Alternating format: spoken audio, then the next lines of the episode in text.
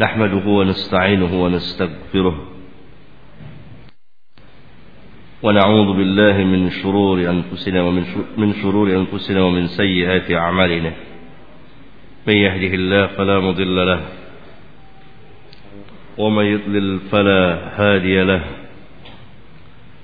وأشهد أن لا إله إلا الله وحده لا شريك له. وأشهد أن محمدا عبده ورسوله أما بعد أيها الإخوة saya tidak tambah materi tapi saya perlu menjawab beberapa soal dan saya kira ini lebih uh, penting karena ditanyakan dan insyaallah bermanfaat bagi saudara-saudara sekalian, ikhwan dan akhwat. Karena ini sebagiannya uh, amaliyah atau perbuatan keseharian dan uh, sering uh, ditanyakan oleh sebagian kaum muslimin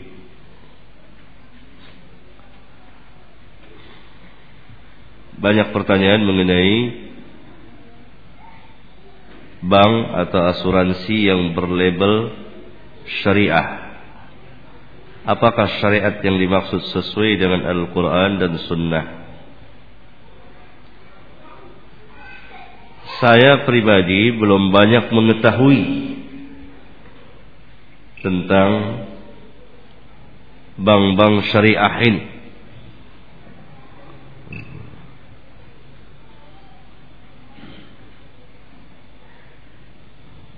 Bagaimana uh, praktek yang sebenarnya.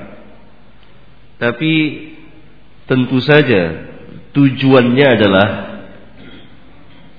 yang dimaksud bank syariah tentunya yang berlandaskan Al-Quran dan Sunnah.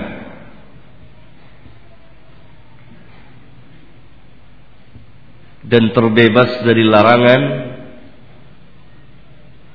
yang dilarang oleh agama. Seperti saya pernah menyebutkannya riba dengan segala cabangnya. Judi dengan segala cabangnya. Tipuan khidah dan jual beli secara garar dan adanya unsur pemaksaan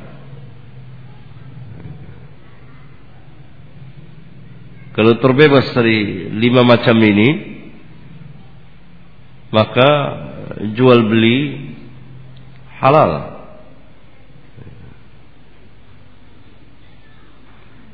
Bank-bank yang ada yang berlabel syariah harus benar-benar membebaskan diri dari riba karena yang dimaksud adalah dengan syariah. Nah, bagaimana praktek yang sebenarnya? Ini salah satu yang juga kita sesalkan. Ya, ini mereka tidak mereka tidak uh, terbuka atau kurang lah, kurang terbuka, uh, kurang iklannya, kurang dalam mendekati kaum muslimin dan menjelaskan kepada mereka. Tidak pernah kita dengar ada tablik akbar umpamanya khusus membahas tentang bank syariah. Tapi yang ada mereka mengadakan pertemuan-pertemuan di hotel-hotel besar di Jakarta, di tempat-tempat tertentu yang umumnya kaum muslimin tidak bisa datang karena harus bayar. Jadi bagaimana bisa dikenal bank-bank syariah ini? Bagaimana cara prakteknya? Paling-paling hanya brosur-brosur saja.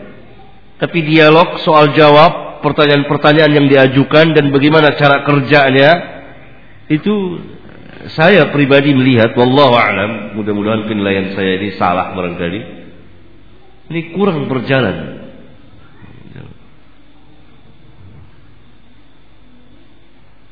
ya entah kenapa Allah alam saya tidak tidak tidak bisa tahu.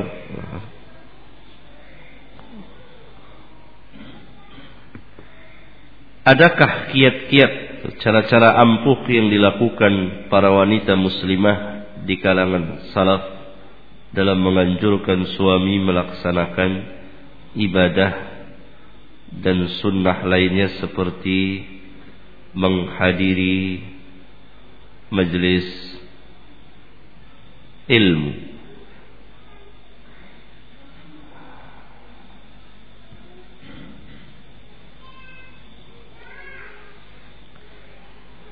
Diterangkan istri menerangkan kepada suami tentang keutamaan ilmu. Keutamaan mempelajari ilmu. Bahkan mempelajari ilmu din pokok-pokok dasar adalah merupakan kewajiban bagi setiap muslim. Talabul ilmi faridatun ala kulli muslim. Menuntut ilmu fardu atas setiap muslim.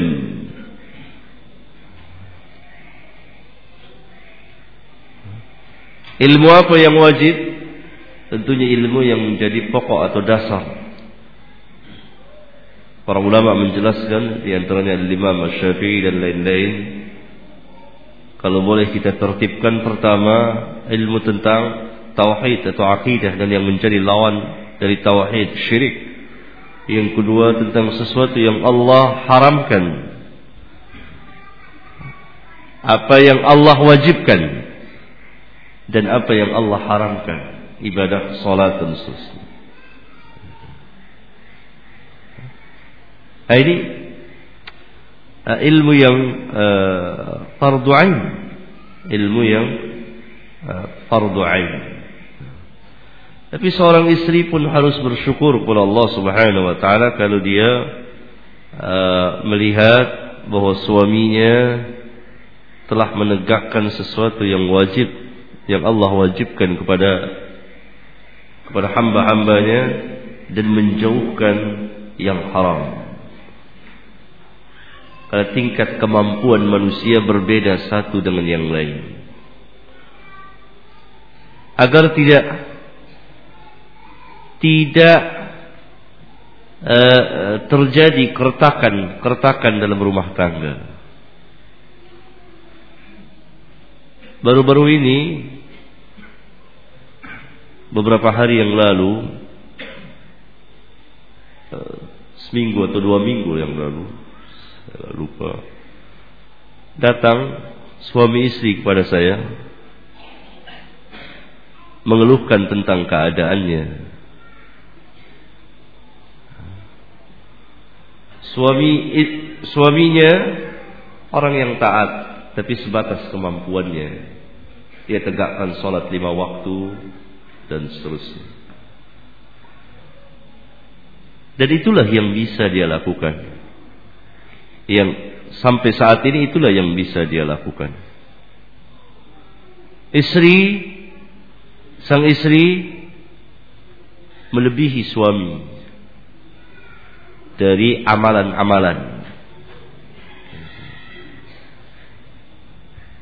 Tetapi sang istri selalu memberikan dorongan dengan cara semacam doktrin atau pemaksaan.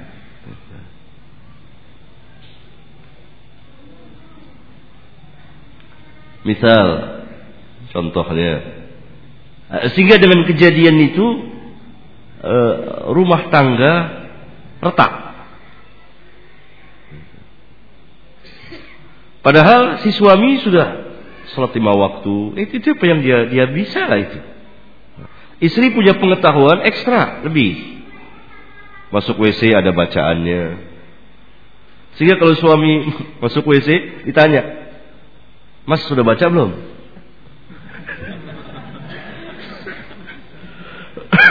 ah, pengajaran yang seperti ini kan tidak tepat gitu. Suami tentu akan sih bacaan ini tidak wajib. Akhirnya jadi bersifat berlebihan. Tapi kalau saat-saat tertentu diajarkan ada sunnah-sunnah seperti ini. Suaminya bilang lagi, Ustaz saya paling tidak suka kalau ditelepon di kantor. Mas, sudah sholat apa belum? Mak, baik pertanyaan itu, tapi tidak tidak pada tempatnya dan tidak melihat siapa suaminya. Suaminya bukan orang yang yang uh, berbuat maksiat atau yang tarkus salat, tapi orang yang mendirikan salat. Dan sebagian besarnya di masjid. Telepon, telepon. Nah. nah, ini membuat akhirnya apa? Apa yang terjadi? Si istri, si suami ini takut berjumpa dengan istrinya. Sehingga dia mengatakan, Ustadz, saya tidak berani. Sehingga akhirnya tidurnya pun pisah. Dia takut berdampingan dengan istrinya. Karena selalu akan ada pembicaraan seperti itu.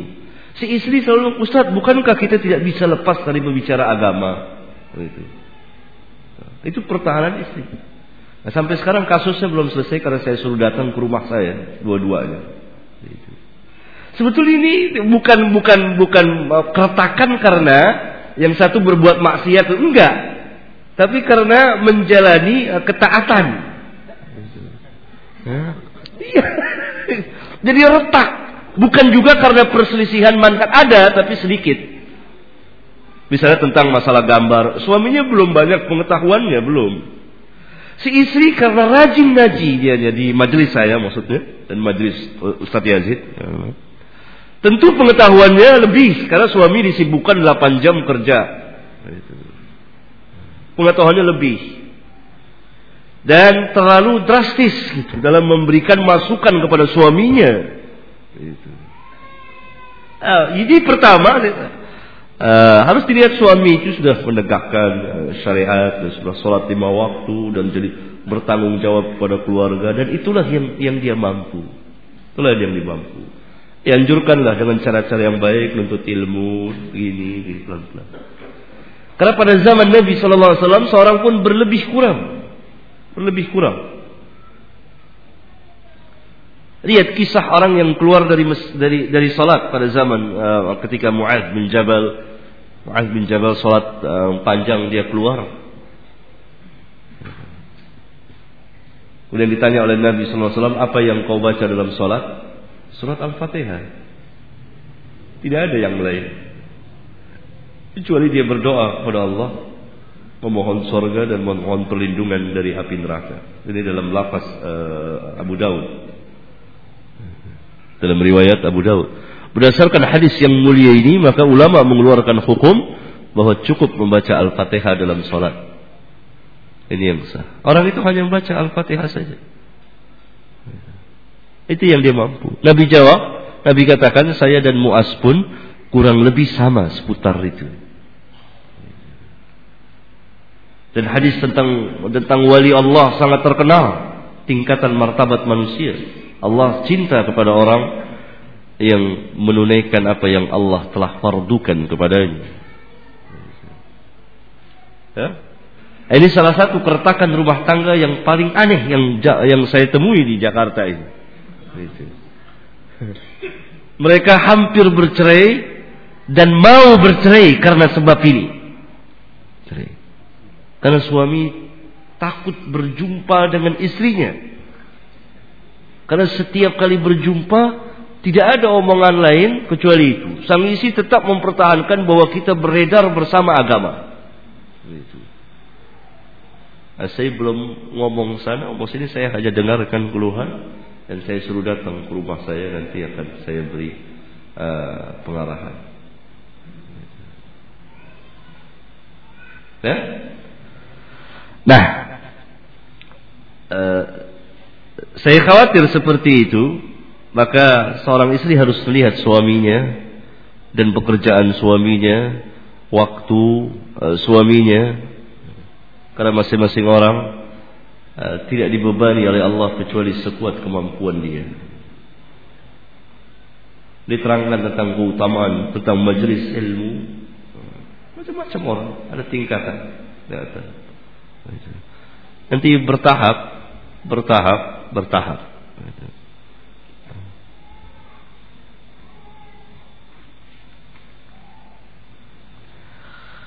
Ustadz mengatakan bahwa laki-laki dikatakan sanggup untuk menikah dari segi nafkah. Bagaimana ketentuan sanggupnya bagi perempuan?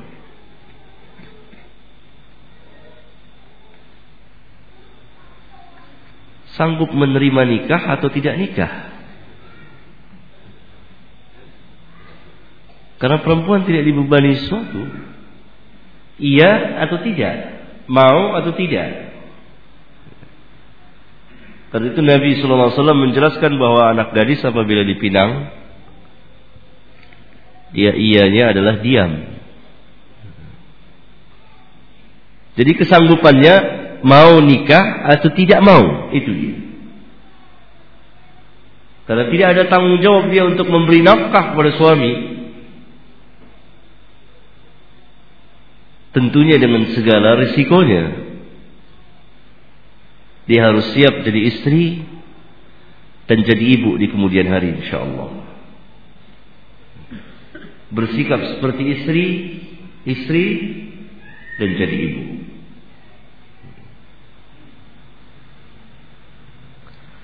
Mohon penjelasan hadis di Sahih Muslim tentang larangan menggauli istri yang hamil tua. Nah, istri yang hamil. Ya. Tidak ada larangan. Nabi ingin melarang tapi beliau kemudian melihat perbuatan orang Rum dan Parsi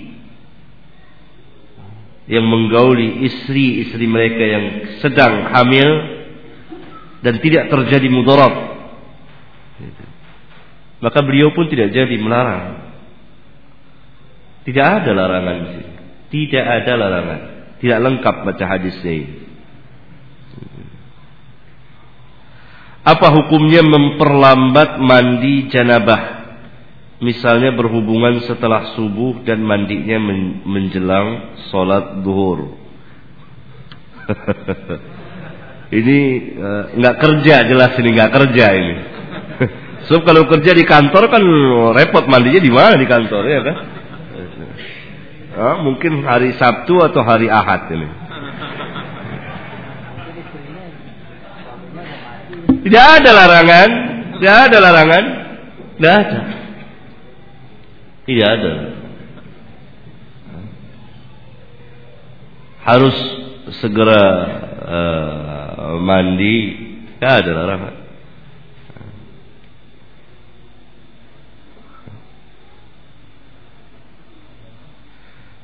Hanya dia tentu kan tidak bisa uh, sholat. Ini udah dijawab.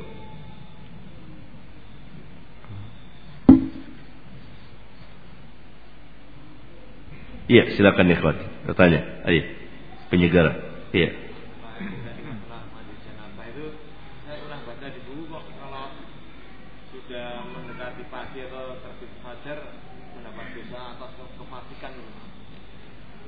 Saya tidak tahu hadisnya. Ada hadis atau baca di buku? Ah, bacaan di buku bukan hadis. Ah.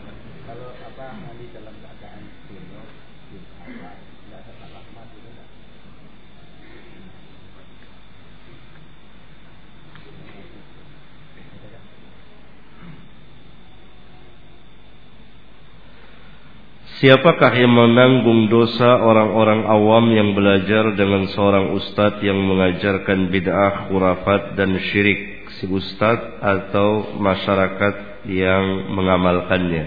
Dua-duanya apabila mereka telah mengetahuinya. Tentunya orang yang memberi fatwa menanggung dosa orang yang terkena fatwanya apabila ia memberi fatwa dengan tanpa ilmu من أفتي بغير علم وفي رواية بغير ثبت كان إثمه على من أفتاه. Aftahu barang siapa diberi fatwa tanpa ilmu atau tidak kuat maka dosanya ditanggung oleh yang memberi fatwa itu. Hadis riwayat Abu Dawud dan Ahmad.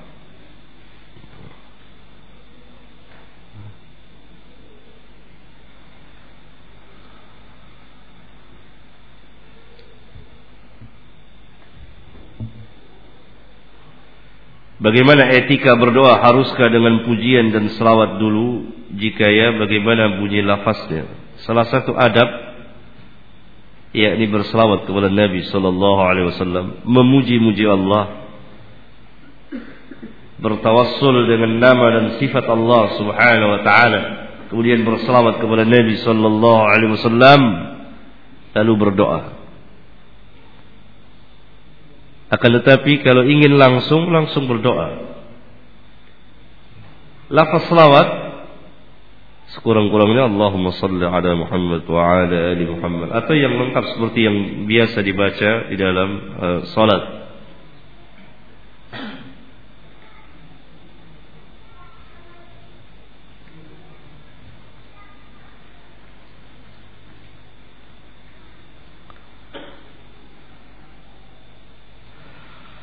Salah seorang ustaz salafi mengatakan penyebutan lafaz Tuhan untuk Allah merupakan bentuk tahrif dari tauhid asma was sifat. Lafaz Tuhan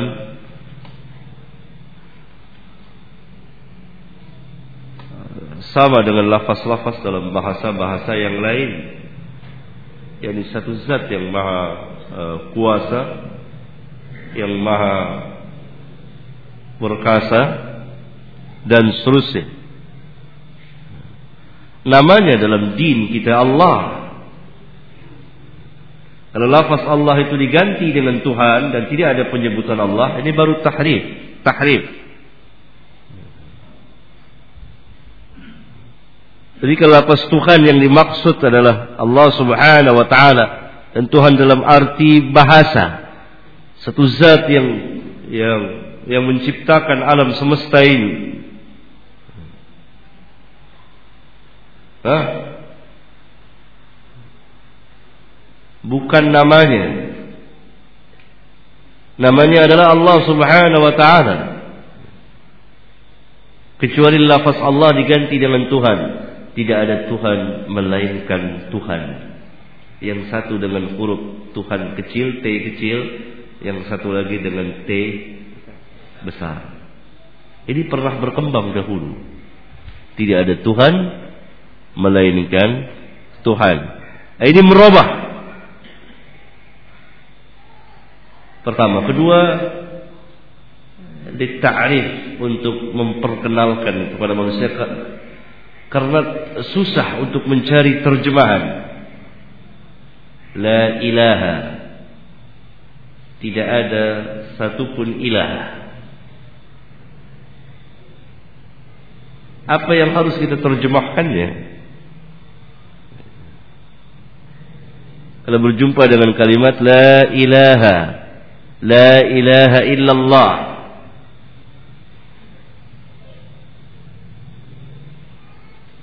Tidak ada sesuatu pun Apa? Tuhan taruh tidak tidak usah dipakai. Lalu apa? Ma'bud bukan bahasa Indonesia. Bahasa Arab. Orang tidak paham siapa ma'bud. Lalu apa? Jawab. Hah? Disembah. Tahrik lagi nanti sembah apa?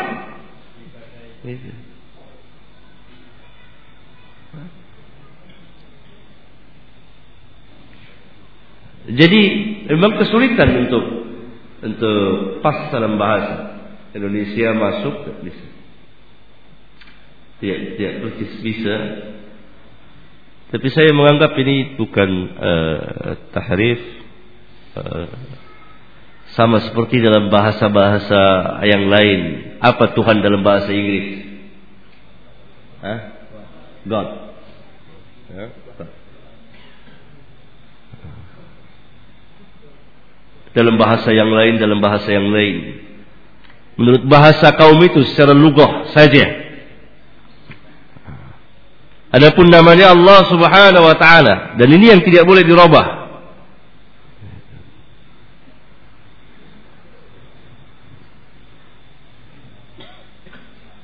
Allah a'lam. Apakah salat hajat, tasbih dan taubat itu ada disyariatkan? Yang pertama, salat hajat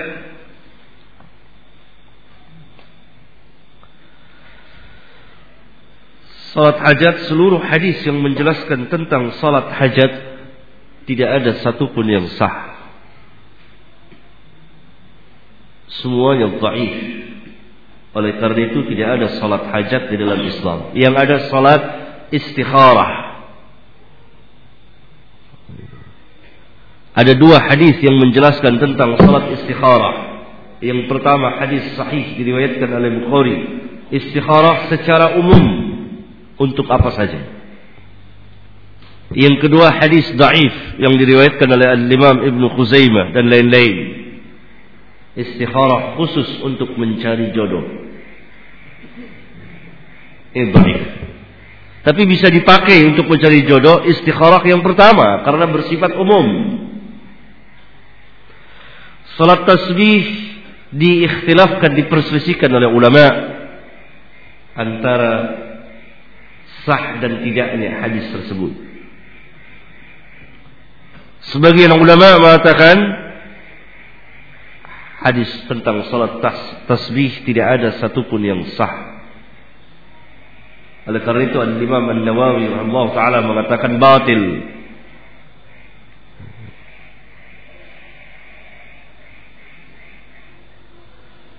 Dan kaifiahnya caranya pun ganjil kata mereka.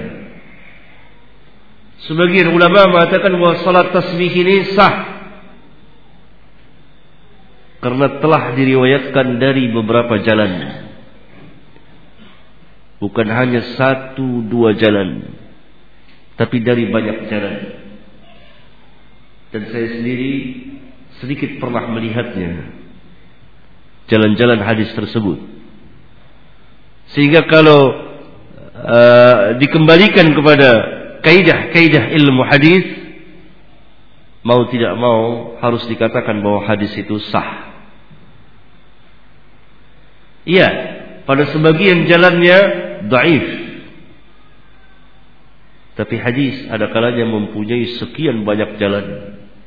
Kalau dia berdiri sendiri-sendiri, tentu lemah. Seperti hadis talabul ilmi faridatun ala kulli muslim tidak ada satupun sanatnya yang sah. Sebagiannya bahkan sangat lemah. Dan dia mempunyai 18 jalan lebih turuk. Tidak ada satupun yang sah. Semuanya daif. Tapi ke-18 jalan di antara ke-18 jalan itu ada yang kelemahannya ringan dan sebanding karena itu bisa naik menjadi hasan. Dan terus ada jalan yang lain dan terus banyak sekali sehingga ulama mengatakan ini hadis sahih li demikian juga tentang salat tasbih. Bahkan di sebagian sanatnya sah sahih Maka pendapat yang lebih kuat bahwa hadis ini sahih tentang salat tasbih. Adapun uh, dikatakan oleh sebagian ulama di antaranya oleh uh, Syekh Muhammad bin Saleh Al-Utsaimin rahimahullah taala bahwa caranya sangat aneh berbeda dengan sifat salat yang lain. Dan ini menunjukkan kelemahan salat tasbih. Dijawab bahwa salat kusuf gerhana pun aneh. Ada dua ruku dan tidak sama dengan sifat salat yang biasa. Apakah dengan sebab tidak biasanya dilemahkan hadis yang telah sahih? Tentu tidak. Apalagi jalur yang datang mengenai salat tasbih secara keseluruhan telah sah.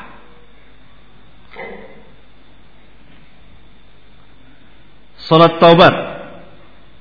Datang sebuah hadis dari jalan Abu Bakar Siddiq.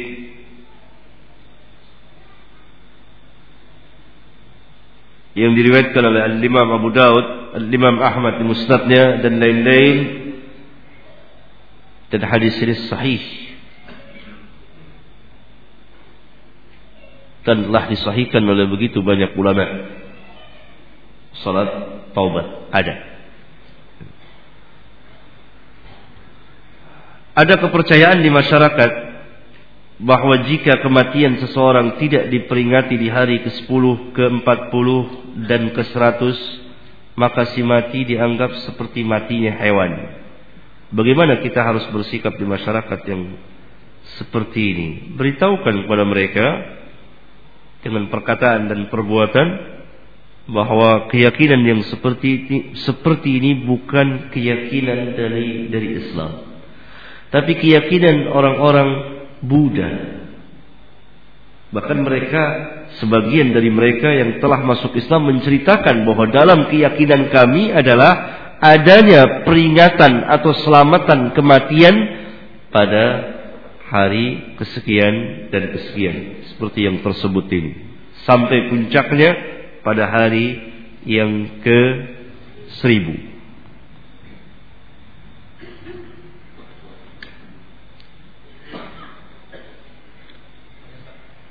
Iya. Iya. Tidak tahu. Tidak tahu. Tidak tahu. Ya. Selama ini dipahami bahwa tasbih itu pada bulan yang pertama. Terus ada keterangan yang justru yang dilakukan oleh kaum sekarang itu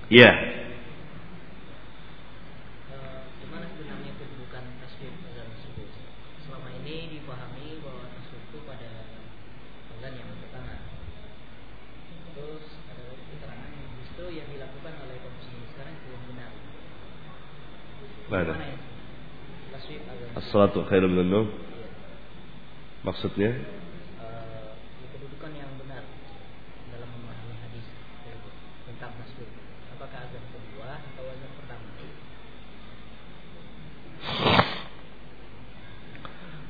Uh, penyebutan as-salatu khairu minan num ada pada salat subuh.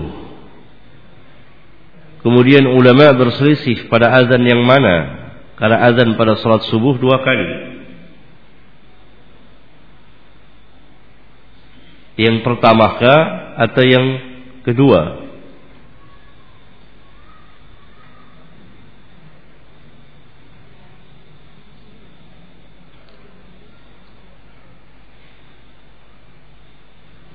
Para ulama yang mengatakan bahwa ini diletakkan pada azan kedua berdasarkan hadis-hadis yang umum. Dalil-dalil yang umum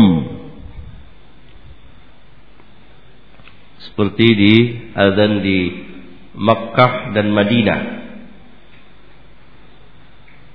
As-salatu khairu minan naumnya pada azan kedua. Tunggu, saya belum selesai.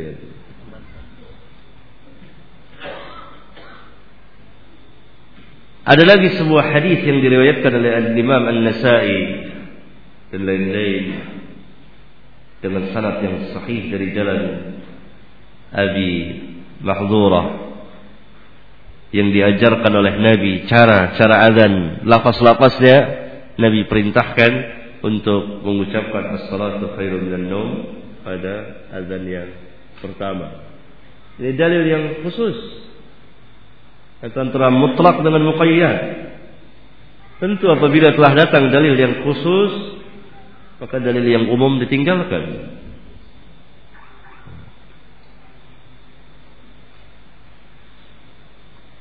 Bahkan Syekh Sayyid Sabiq di kitabnya Fiqh Sunnah rahimahullah taala pun uh, membawakan riwayat yang umum yang ada di Abu Daud juga sangat sahih Yang tidak mengikat yang pertama atau yang kedua. Tetapi riwayat, riwayat Nasai mengikat pada azan yang pertama. As-salatu khairum minan naum. Ketentuan dari Nabi sallallahu alaihi wasallam.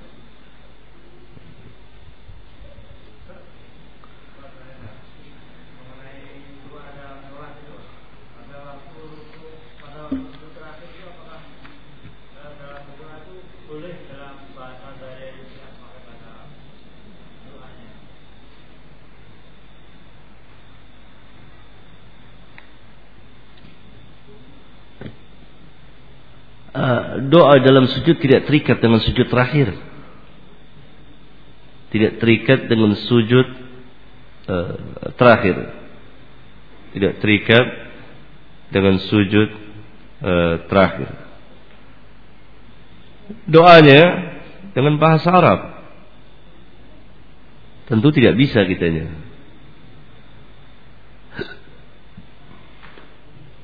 Bolehkah dengan bahasa Indonesia? Sering saya ditanya ini saya tidak bisa jawab. Tapi sering saya katakan, kalaupun mau dalam hati saja, tidak dilafazkan. Atau baca lafaz-lafaz doa yang telah ada dalam Al-Quran atau di dalam hadis-hadis Rasulullah Wasallam dan itu mencukupi bagi kita. Coba lihat doa Nabi sallallahu alaihi wasallam yang sangat lengkap sekali. Allahumma inni as'aluka al-huda wat-tuqa wal-'afaf wal-ghina. Empat. Singkat mencakup keseluruhannya, kebahagiaan dunia dan akhirat. Meminta hidayah, ketakwaan, kesopanan diri dan kecukupan. Allahumma inni as'aluka al-huda wat-tuqa wal-'afaf wal-ghina.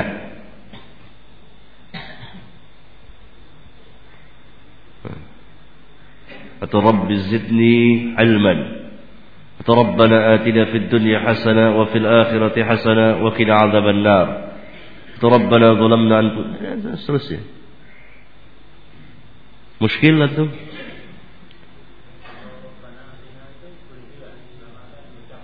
Boleh. Kenapa, Bang? Masa nggak boleh?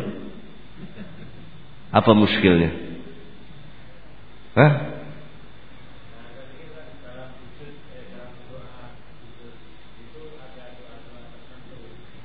Enggak.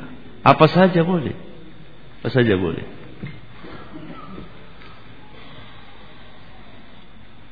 Bolehkah mendirikan jamaah di suatu masjid yang sudah menyelesaikan sholat jamaahnya seperti di banyak masjid di tempat kami sekarang? Ini pun perselisihan yang berkepanjangan di antara ulama salaf. Antara Syafi'i dan Ahmad. Imam Syafi'i melarang, tidak boleh. Karena akan memecah belah kaum muslimin. Imam Ahmad katakan boleh misalkan dalil. Ah, persesian yang berpanjangan.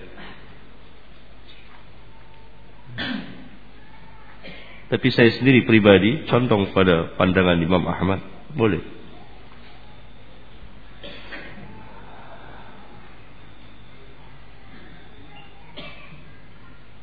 Apakah membaca Al-Fatihah di belakang imam itu hukumnya wajib? Tergantung imam membaca dengan jahar atau sir.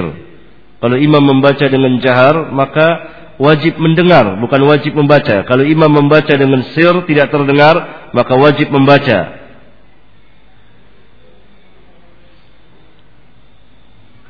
Mohon penjelasan mengenai hadis yang melarang seseorang yang tidur menghadapkan telapak kakinya ke kiblat. Saya tidak tahu. Di mana ada hadis itu? Bahkan saya pengen sekali diberitahu hadis itu. Ya. Jamaah tabligh. Katanya hadisnya kepada jamaah tabligh. Hmm.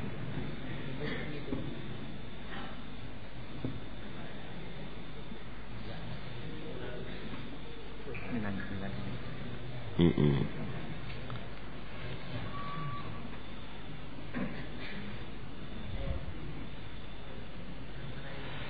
Kasus suami dan istri yang Ustadz ceritakan tadi yaitu suami belum mengetahui contohnya tentang hukum gambar, isbal, merokok dan seterusnya. Tapi bagaimana jika suami yang sudah mengetahui tentang hal tersebut tapi masih tetap melakukannya perbuatan yang uh, melanggar syariat uh, tersebut? Bagaimana cara istri dalam menghadapi suami yang seperti ini? Mohon penjelasan. Pertama, sabar. Sabar, itulah suaminya. Yang kedua, memberitahukannya dengan cara yang baik atau adakan dialog suami istri berdua, berdua. Berdua komunikasi terus dalam permasalahan apa saja suami istri itu harus sering berbicara. Jangan diam-diaman, ngambek-ngambekan. Sering berbicara, diselesaikan, ngobrol, ngomong apa adanya di permasalahan di supaya ia tahu. Dan yang ketiga doakan kepada Allah Subhanahu wa taala. Karena para sahabiat juga dahulu suaminya bukan hanya bahkan sebagian suaminya adalah orang-orang munafikun. Orang-orang munafikun.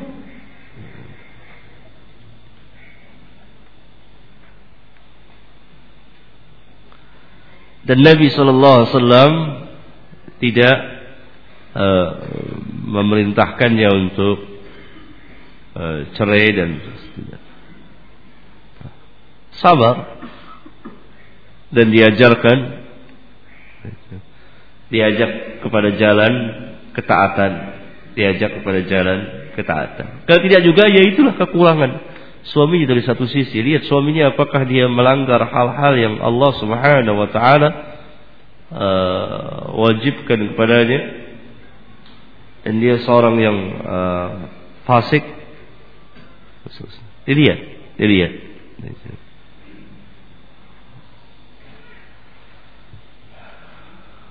Iya, ikhwan, silakan.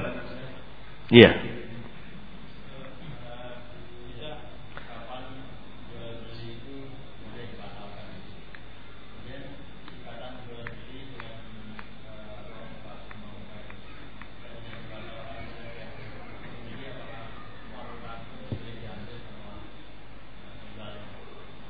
Yang pertama apa?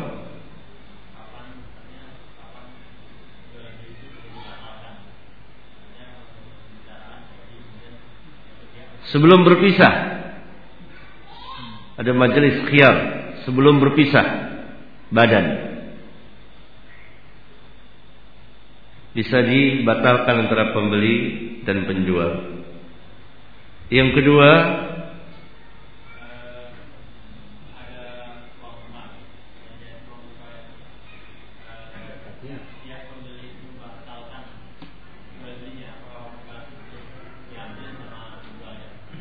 Ini yang terkenal dengan masalah urban dengan ain urban.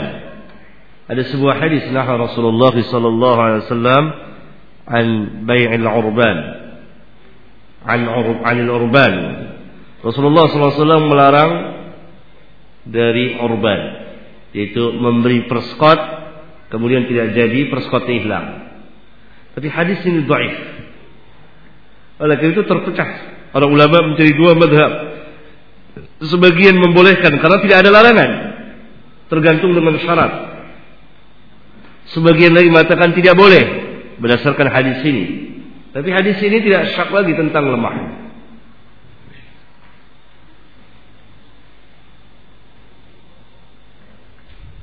Nah,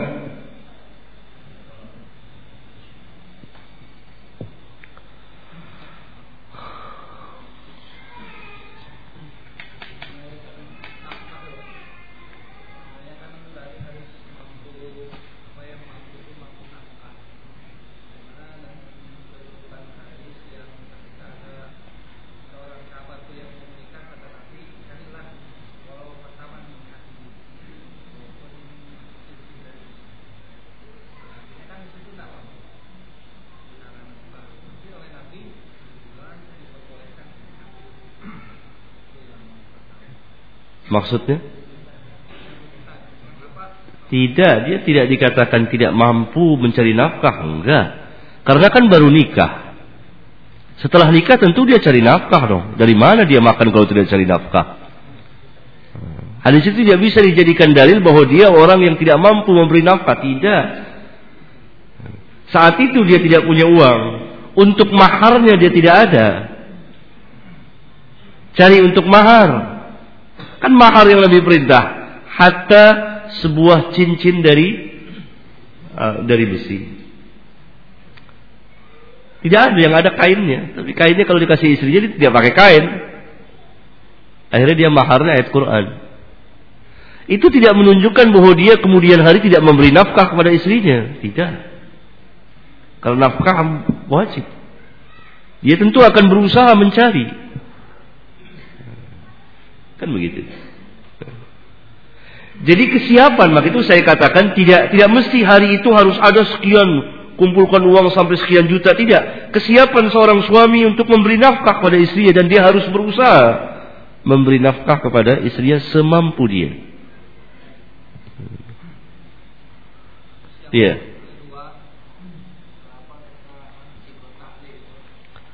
Iya.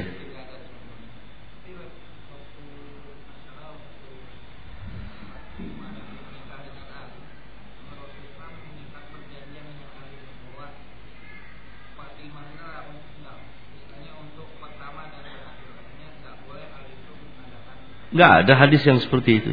Enggak ada. Enggak ada hadis yang seperti itu.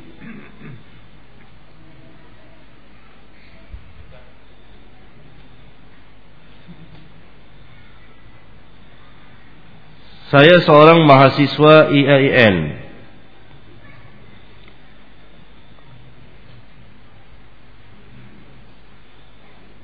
Uh, ah, bagaimana cara mensyahadatkan orang kafir yang akan menganut Islam? Mohon penjelasan. Suruh ia mengucapkan syahadat asyhadu an la ilaha illallah wa asyhadu anna Muhammadan abdu Muhammadar Rasulullah. Diajarkan. Mudah. Islam. Ya, setelah itu bisa. Saya seorang mahasiswa IAIN. Bagaimana saya harus bersikap dengan teman-teman perempuan di kampus yang pakai jilbab tapi berbaju ketat dan pendek, terkadang kelihatan perutnya. nasihati, kan teman, nasihati. Jangan seperti ini pakaiannya, tapi pakaian jilbab itu seperti ini. Begini caranya. Begitu. Begitu. Jangan cuma melihat aja, ngomong. Gitu.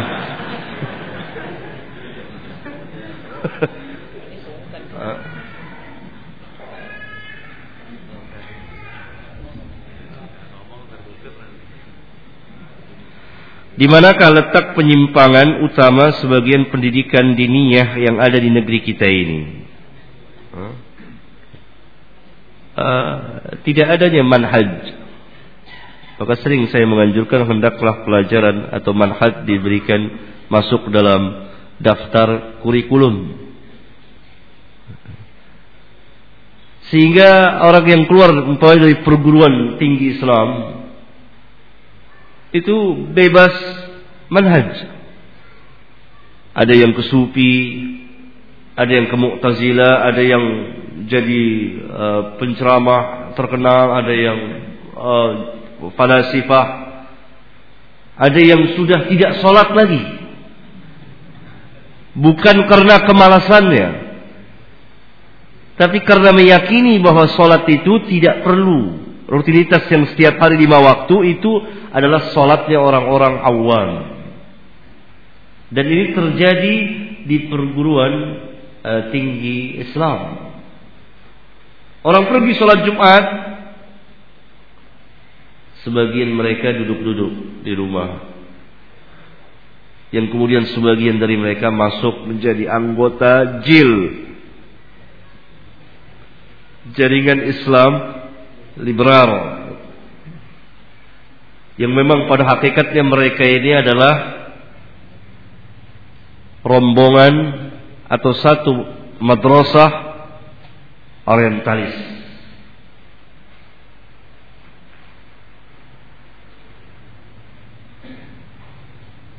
Karena orientalis pada zaman kita sekarang ini bukan orang di luar Islam, tapi orang Islam yang dididik oleh orang-orang orientalis. Dan mereka ini lebih orientalis dari orang orientalis itu sendiri.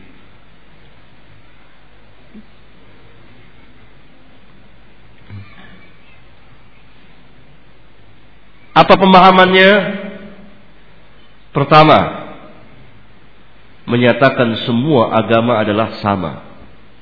Seperti pernyataan ulil absar yang saya tahu percis dan kenal betul ketika dia berada di Ma'had Libya dan dikeluarkan dari Libya, lembaga ilmu pengetahuan Islam di Jakarta, Arab.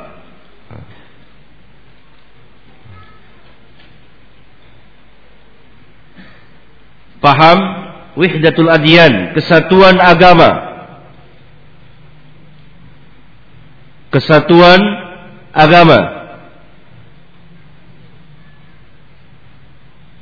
Masya Allah Asik Fadal tidur di. Tidur fadal Capek Tidur Mau tidur dia, mau tidur dia, mau tidur. Mau tidur apa? Hah? Hah? Hah? Yang kedua, taskik memberikan keraguan-keraguan terhadap kaum muslimin dengan pertanyaan-pertanyaan, apa iya? Apa iya? Kritik-kritik terhadap agama, bahkan pernyataan mereka pernyataan si ulil absar ini bahwa Rasulullah SAW perlu dikritisi.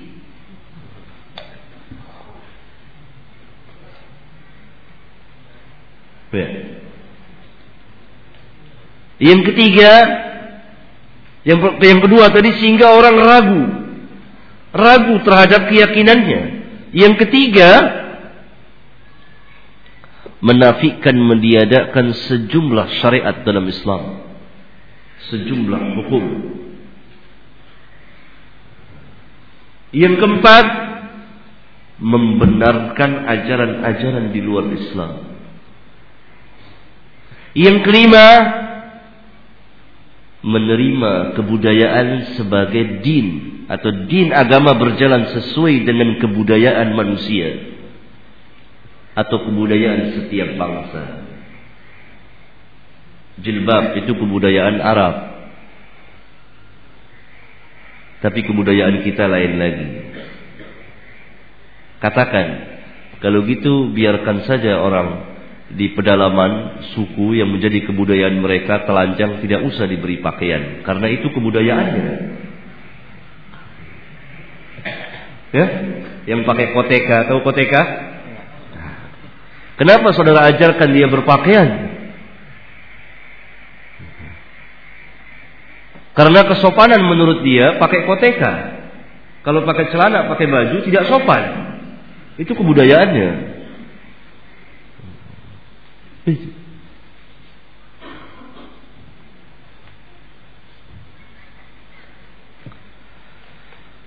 Dan jadi manhaj tidak ada, manhaj tidak ada, bebas bermacam-macam.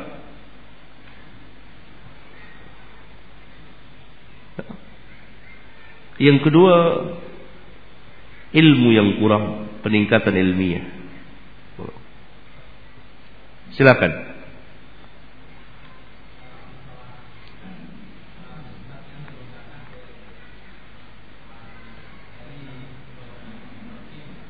Ya. Yeah. Ah.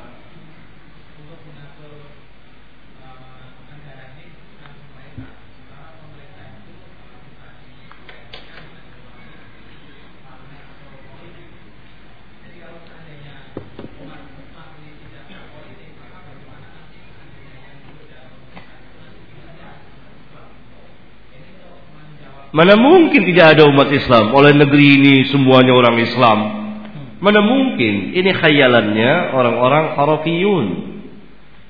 Dia mengandai-andai terus. Andai begini, andai begitu. Hidup dalam dunia khayal. Dunia fantasi. Manhaj salaf hidup dalam dunia yang nyata seperti pertanyaan tadi, saya sekolah di IAIN, mahasiswa IAIN, perempuan-perempuan di IAIN pakai jilbab, kerudungan, tapi pakai blue jean celananya dan perutnya kelihatan. Nyata, itu kenyataan. Hidup dalam kenyataan seperti ini. Dan mahat salaf hidup dalam kenyataan seperti ini. Tetapi bagaimana cara mengatasinya dan merubahnya? Itu dia. Mengatasi dan merubahnya bukan dengan cara-cara yang dilarang oleh agama.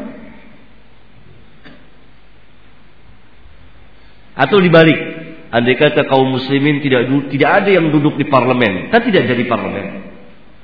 Siapa yang duduk? Nggak jadi. Bahkan tidak jadi negara. Kenapa mereka tidak balik seperti itu? Kemudian, sudahkah mereka yang keluar masuk parlemen seperti itu berhasil? Sudahkah apa yang mereka tetapkan itu sebagai dasar dakwah mereka berhasil? Tidak. Hampir satu abad perjalanan. Perjalanan panjang yang sangat melelahkan mereka dan melelahkan kita yang menontonnya. Hah? Tapi sejengkal tanah mereka tidak memperolehnya. Tidak lebih dari sebagiannya mengharapkan duniawiyah.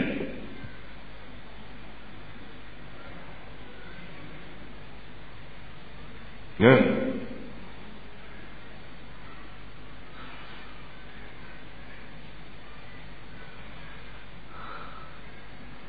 Presiden PK ya, bukan Presiden PK.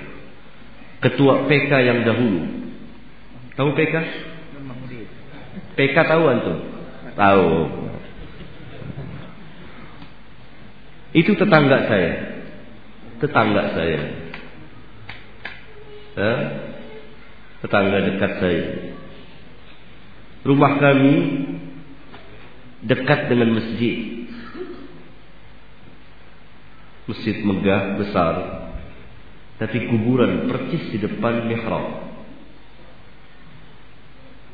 Depan ini. Ya sini depannya dalam lingkungan masjid. Jadi kalau buka pintu ini langsung kuburan. Saya tidak pernah sholat di situ, walaupun tetangga. Dari sini situ dia, masjid Tapi saya sholat jauh sana. Hampir satu kilo kalau lebih satu kilo. Tua ini sholat di situ. Lalu dia tegur saya. Kenapa Ustaz tuh nggak pernah sholat di masjid? Saya bilang, ada kuburannya. Ah ya kan nggak apa-apa ada kuburannya. Orang yang seperti ini mau mentarbiah umat, mau membuat satu pemerintahan Islami, Berapa banyak nanti kuburan yang akan masuk masjid?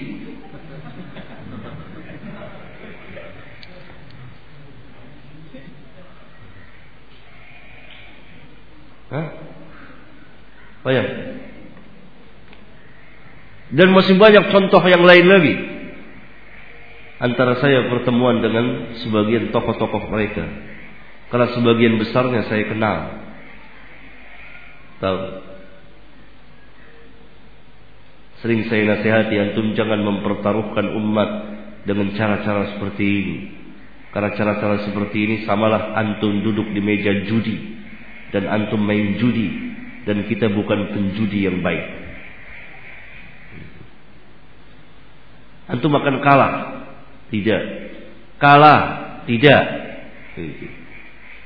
Baik, coba nanti dia. Lalu saya ketemu lagi belakangan Bagaimana keadaan antum sekarang?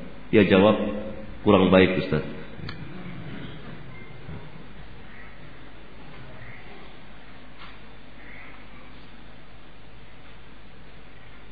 Kejahilan tersebar dan tidak tahu hukum Islam.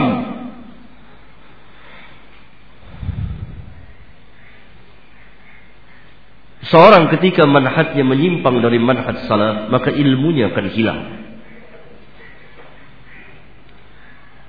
Sebagian dari tokoh-tokoh PK itu yang saya kenal, sebagiannya keluaran dari mahad. Dan tentunya tidak tersembunyi bagi mereka eh, kitab-kitab ulama besar maupun kecil dari kitab lughah sampai kitab tafsir sampai kitab hadis sampai kitab fikih. Tapi ketika mereka berada dalam manhaj yang yang yang batil ini maka ilmunya hilang. Saya pernah mendengar sebagian dari mereka yang dibicarakan bukan secara ilmiah dalam Islam tapi sejarah hidupnya Bung Karno. Lalu disyarahkan sama dia hilang ilmunya. Bahkan insah al khabar jika sah khabar ini fatwanya uh, Syekh Yusuf Mardawi tentang bolehnya bom bunuh diri. Pernah dengar? Pernah dengar. Kalau benar ini dari beliau, kalau benar saya masih menyaksikannya eh, tidak terpikirkan oleh kita salah seorang fuqaha pada abad yang sekarang ini mengucapkan kata-kata yang sebetulnya tidak patut diucapkan dari segi jurusan fikhiyah, fikih bom bunuh diri itu boleh Padahal nas Al-Quran mengatakan wala taqtulu anfusakum. Jangan kamu bunuh diri-diri kamu. Apalagi kalau diistinbatkan dikeluarkan dalil dari kejadian uh, pada zaman sahabat seorang menyerang benteng musuh sendirian itu dianggap bunuh diri, itu dianggap boleh bunuh diri ya. Apalagi berdalil lagi dengan seorang anak muda yang kisahnya gulam itu. Ini sangat aneh sekali. Hilang ilmu mereka disebabkan manhaj yang tidak baik ini.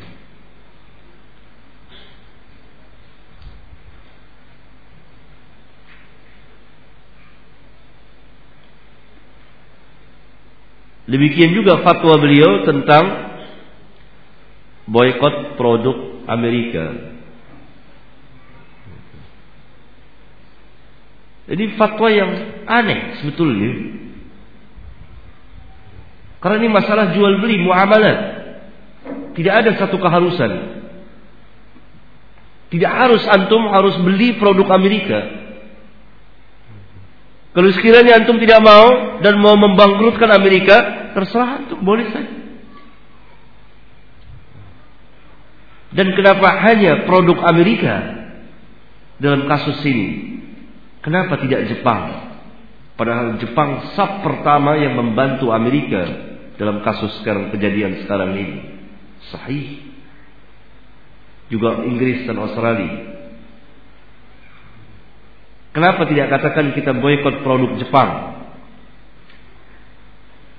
kenapa harus Amerika saja saya mau jelaskan sini bukan mau mengharuskan orang beli produk Amerika tidak tidak bahkan kaum muslimin harus bersaing dengan tapi dalam masalah muamalat Bebas. Tidak bisa ini. Dan bisa apa tidak kaum muslimin melakukannya? Dan produk Amerika tidak tidak tidak jadi uh, uh, uh, uh, uh, tidak banyak yang di, di, dipergunakan oleh kaum muslimin. Mobil di Indonesia ini tidak ada mobil Amerika yang beli sedikit jumlah mobil Jepang yang banyak.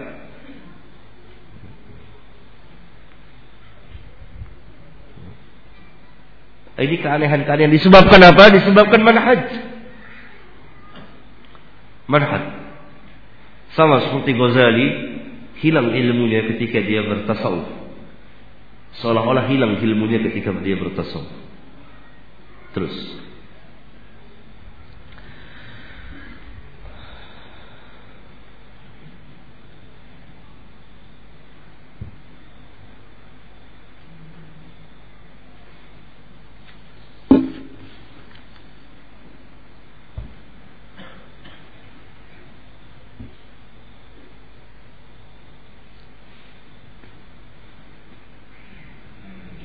Silakan, silakan. Iya.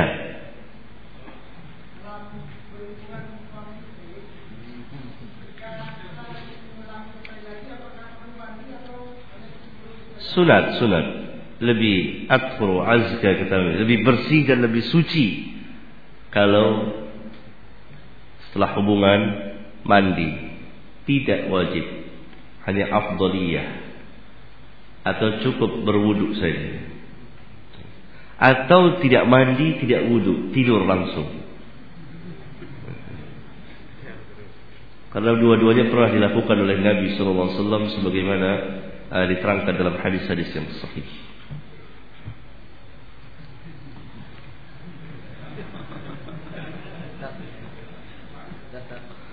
Antum senang kalau cerita tentang suami istri hubungan ketawa semua nggak ada yang ngantuk. Ini yang tadinya tidur melek. Antum udah nikah belum? Belum? Hah? Hidup dalam dunia khayalnya. Iya. Iya, antum. Silakan Pak Amri.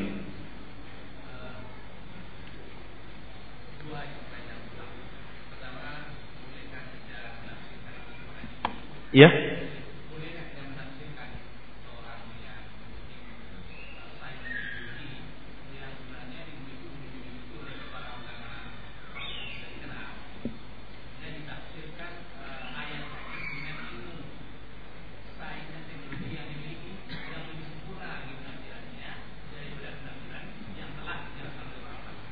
Contoh?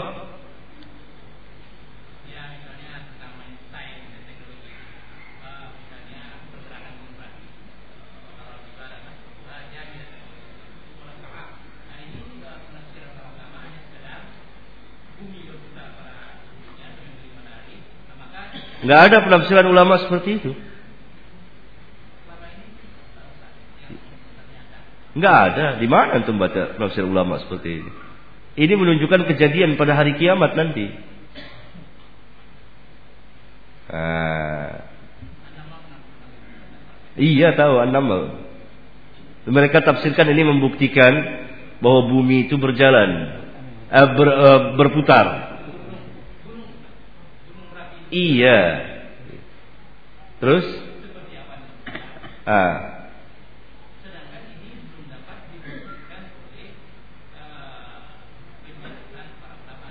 Ya.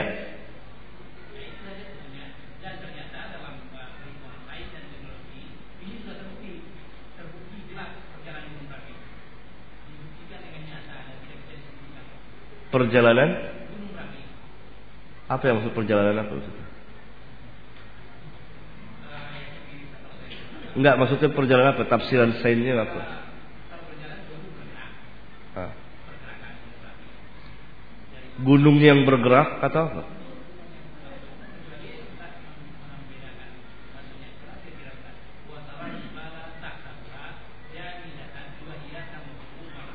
Nah.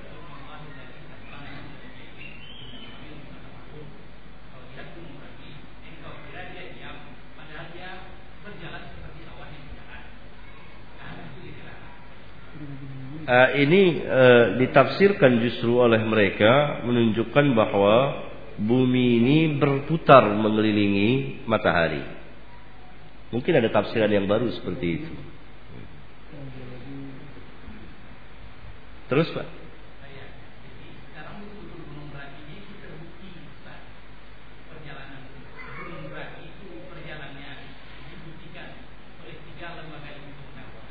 di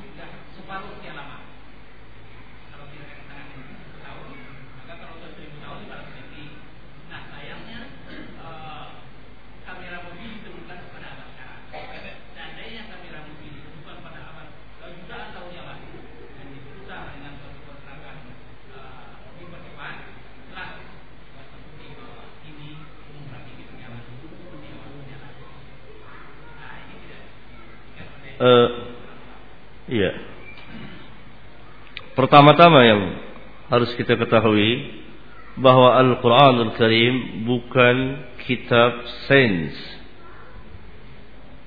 dan bukan ensiklopedia dan bukan kumpulan ilmu-ilmu kauniyah.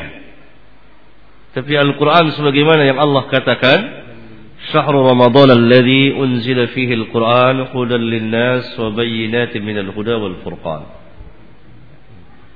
Hudal linnas. Ya. Kalau bertepatan sains dengan nas Al-Quran, bukan maksud Al-Quran ingin mengajarkan kepada manusia tentang sains, tidak. Tapi ingin menjelaskan kebenaran Muhammad sallallahu alaihi wasallam sebagai nabi dan rasul yang diturunkan kepadanya Al-Qur'an dan Al-Quran adalah kalamullah. Bukan perkataan manusia. Karena Muhammad sallallahu alaihi wasallam tidak tahu tentang ilmu sains yang baru ditemukan pada abad ke-20. Tapi tafsiran dengan ayat yang tadi terlalu dipaksakan dan tafsir yang aneh dengan sains. Terlepas dari sains, mungkin sains dapat menemukan tapi perlu diadakan ujian, coba uji coba dan perbandingan madhab madhab-madhab dalam sains karena mereka selalu berselisih dengan perselisihan yang berkepanjangan sekali. Ya.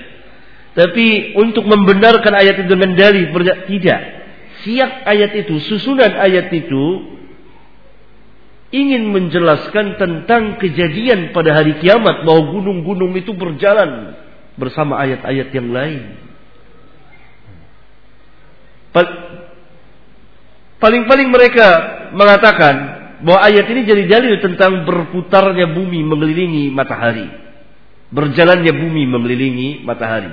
Tapi ini pun tidak tepat menurut sebagian. Karena apabila kita ingin menafsirkan satu ayat, lihat ayat sebelum dan sesudahnya. Dan ayat-ayat yang berkaitan dengannya. Karena Al-Quran yufassiru ba'duhu ba'dan. Saling menafsirkan satu dengan yang lainnya. Dan susunan ayat yang mulia ini ingin menjelaskan tentang kejadian pada yaumul kiamah. Jadi tidak tempat kalau dipaksakan ke situ. Ada ayat-ayat yang sesuai dengan sains. Dan sains baru membuktikannya pada abad 20 ini. Seperti firman Allah, "Wasyamsu tajri li mustaqarrillaha." Dan matahari berjalan di tempat yang telah ditetapkan baginya. Berjalan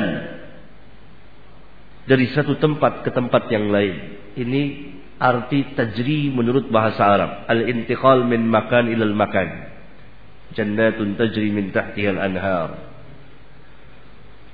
Dan manusia mengenai matahari dahulu mengatakan bahwa matahari tidak berjalan diam di tempat. Pada abad pertengahan matahari berjalan tapi di porosnya seperti kipas angin ini. Dan sampai sekarang orang masih belajar dengan cara seperti itu meyakini Berarti itu pelajaran pada abad pertengahan. Matahari itu diam dan berjalan di porosnya. Dan ini bertentangan dengan sains yang ditemukan pada abad ke-20. Bahwa matahari itu berjalan di alam raya ini. Sesuai dengan apa yang dikatakan Al-Quran. Wasyamsu tajri limustaqarillaha. Berjalan tidak pernah berhenti di alam raya ini.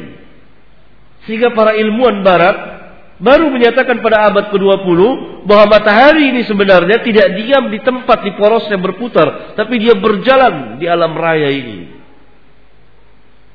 Dimasukkan di kitab ensiklopedi-ensiklopedi baik ensiklopedi Islam maupun yang lain terangkan. Ini contoh yang bertepatan dengan uh, uh, sains wassama'i dzatil buruj. Demi langit yang mempunyai buruj.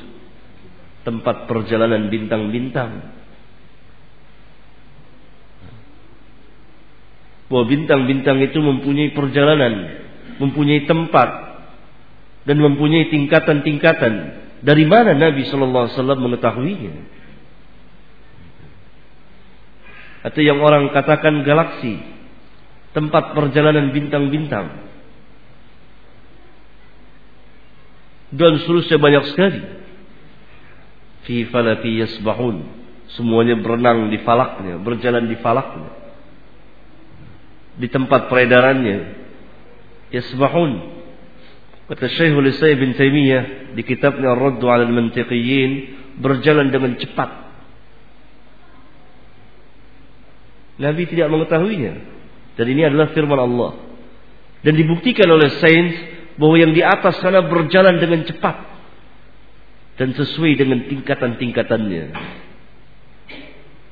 Dahulu mereka menghitung sampai beberapa tingkatan. Mulai dari jumlahnya sama seragam semuanya. Jadi mereka mengatakan bintang-bintang itu bertingkat-tingkat seperti ini. Tingkat pertama jumlahnya kurang lebih sama. Besarnya sama. Kecepatannya sama. Tingkatan kedua lebih besar lagi. Lebih cepat lagi. Lebih banyak lagi. Dan seterusnya dan seterusnya. Sampai 21 tingkat.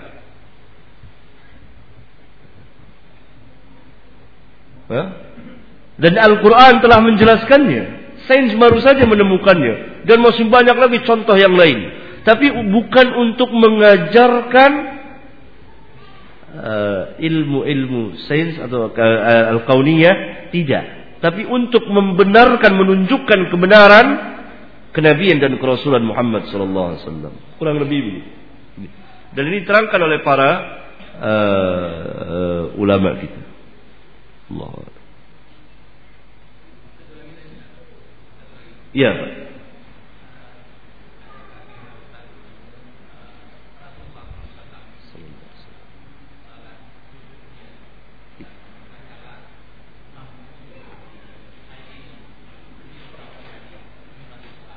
Ya.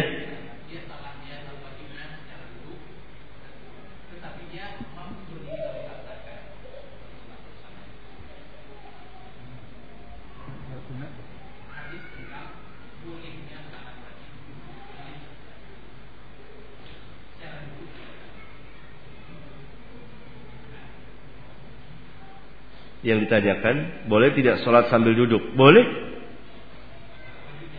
Iya, sholat wajibnya. Jika dia tidak mampu berdiri. Allah subhanahu wa ta'ala wajibkan berdiri. Sholat. Rasulullah SAW menjelaskan. Kalau tidak sanggup berdiri, maka duduk. Tidak sanggup duduk, maka berbaring. Kalau tidak sanggup berbaring celentang. Dan dalam keadaan apa saja dia sholat. Berdasarkan keumuman hadis. Idza amartukum bi amrin fa'tu minhu mastata'tum. Apabila aku perintahkan kepada kamu sesuatu kerjakan semampu kamu. Perintah dikerjakan semampunya. Larangan ditinggalkan secara keseluruhan. Itu kaidahnya. Banyak orang tua kita yang memang sudah tidak sanggup lagi untuk uh, sholat sambil uh, berdiri atau kadang-kadang dipaksakan dan dia tidak kuat dan tidak gemetar badannya ada dia sholat sambil duduk gitu. habis waktu itu sudah ibu habis? Ya.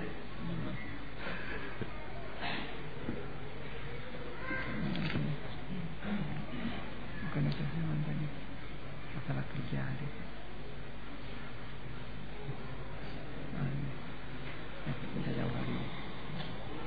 bagaimana caranya meningkatkan mutu pendidikan anak kita di TK atau playgroup?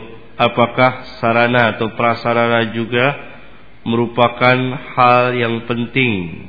Sebab TK playgroup adalah sekolah yang butuh biaya besar. Bagaimana caranya memotivasi orang tua agar mereka perhatian terhadap sekolah ini dan tidak mengeluh masalah dana.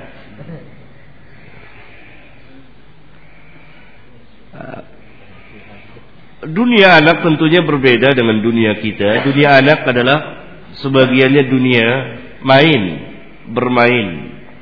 Dan ini dibenarkan oleh Rasulullah sallallahu sehingga beliau membenarkan Aisyah memiliki boneka yang waktu itu dari boneka dalam bentuk kuda yang bersayap. Dan Aisyah dalam masa kekanak-kanakannya uh, uh, ya, belum hilang kekanak-kanakannya menonton keramaian di masjid orang berlatih orang Hamsyah berlatih senjata. Dan Aisyah sendiri mengatakan bahwa saat itu adalah dia masih kekanak uh, kanakan dan suka menonton Saran yang demikian apabila kita mampu memberikan saran di TK atau di playgroup dengan uh, mainan yang yang uh, cukup bagi anak-anak, uh, apalagi yang menimbulkan kreatif, bagus sekali.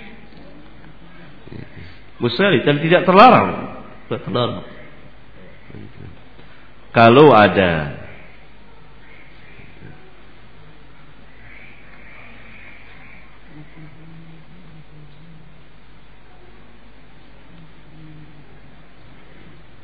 Bagaimana cara pelaksanaan sholat zuhur yang membagi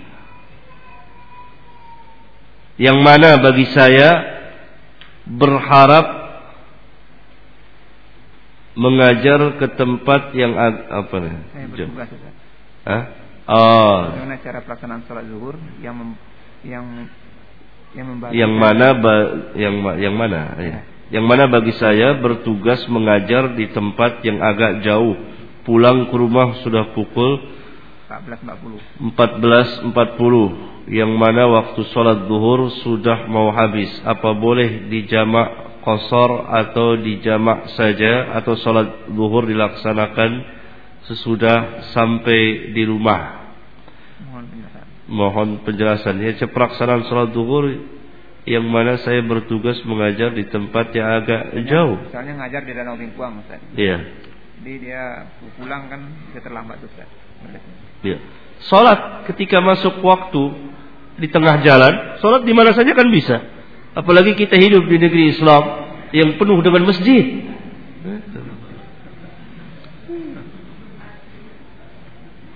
Berhenti salat. Tengah jalan.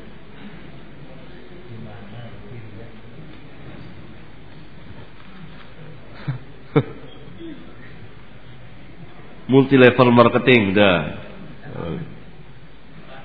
Iya.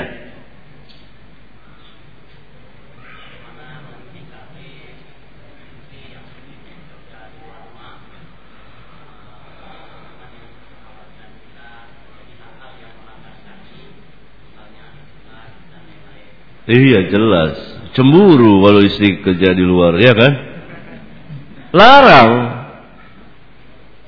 Tergantung suami. Saya larang. Anti kerja di luar. Kerja saja sama saya di sini. Membantu rumah tangga atau apa, urus. Sebagai ibu rumah tangga. Itu kan kerja juga dia. Nah, kerja berpahala. Larang. Alasannya kalau ditanya ya adanya seperti tadi dan saya cemburu.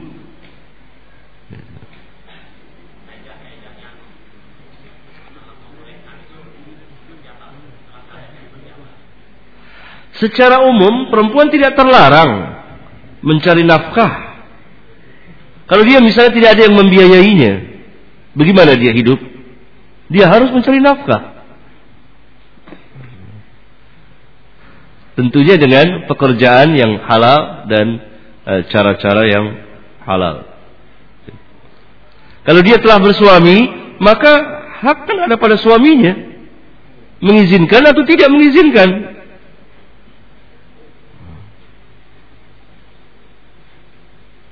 Kalau suami mengizinkan, maka uh, sang istri harus melihat apakah sanggup dia menunaikan hak suami dan anaknya dan sementara dia juga bekerja.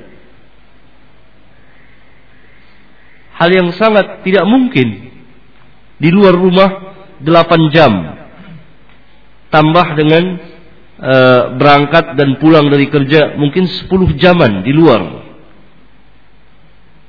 Pulang ke rumah jam berapa? Kecapean. Kecapean. Apa yang harus diurus lagi? Anaknya sudah pada lelah, pada teler semuanya. Suami ada kalanya sudah pulang, capek, lalu pusing dengan suara anak-anak. Itu. Berdiri semua rambutnya itu.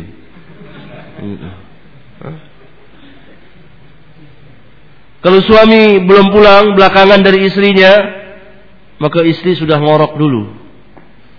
Tidur. Capek. Coba capek, lelah. Beginikah rumah tangga? Bahagiakah? Kan suami yang tuh bekerja pulang sekian jam lamanya, 10 jam lah rata-rata cepatnya. Kalau di Jakarta itu bisa sampai jam 9 malam baru pulang, berangkat pagi karena jalur yang macet luar biasa. Saya itu kalau pulang ngajar di daerah Sudirman malam nantinya. Malam. Sudah capek, kuyuh betul. Karena macet yang luar biasa, stres semuanya, orang berteriak. Sampai ada orang mau bunuh diri karena macet di Semanggi itu kan. Itu. Hah? Ya, tapi istri yang segar di rumah, itu di rumah tangga seperti waqarna fi buyutikun. Diamlah di rumah-rumah kamu. Wal mar'atu ra'iyatun fi baiti zawjiha. Istri pemimpin di rumah tangga suaminya. Nikmat hidup rumah tangga itu nikmat. Luar biasa. Jangan jadikan susah hidup rumah tangga itu.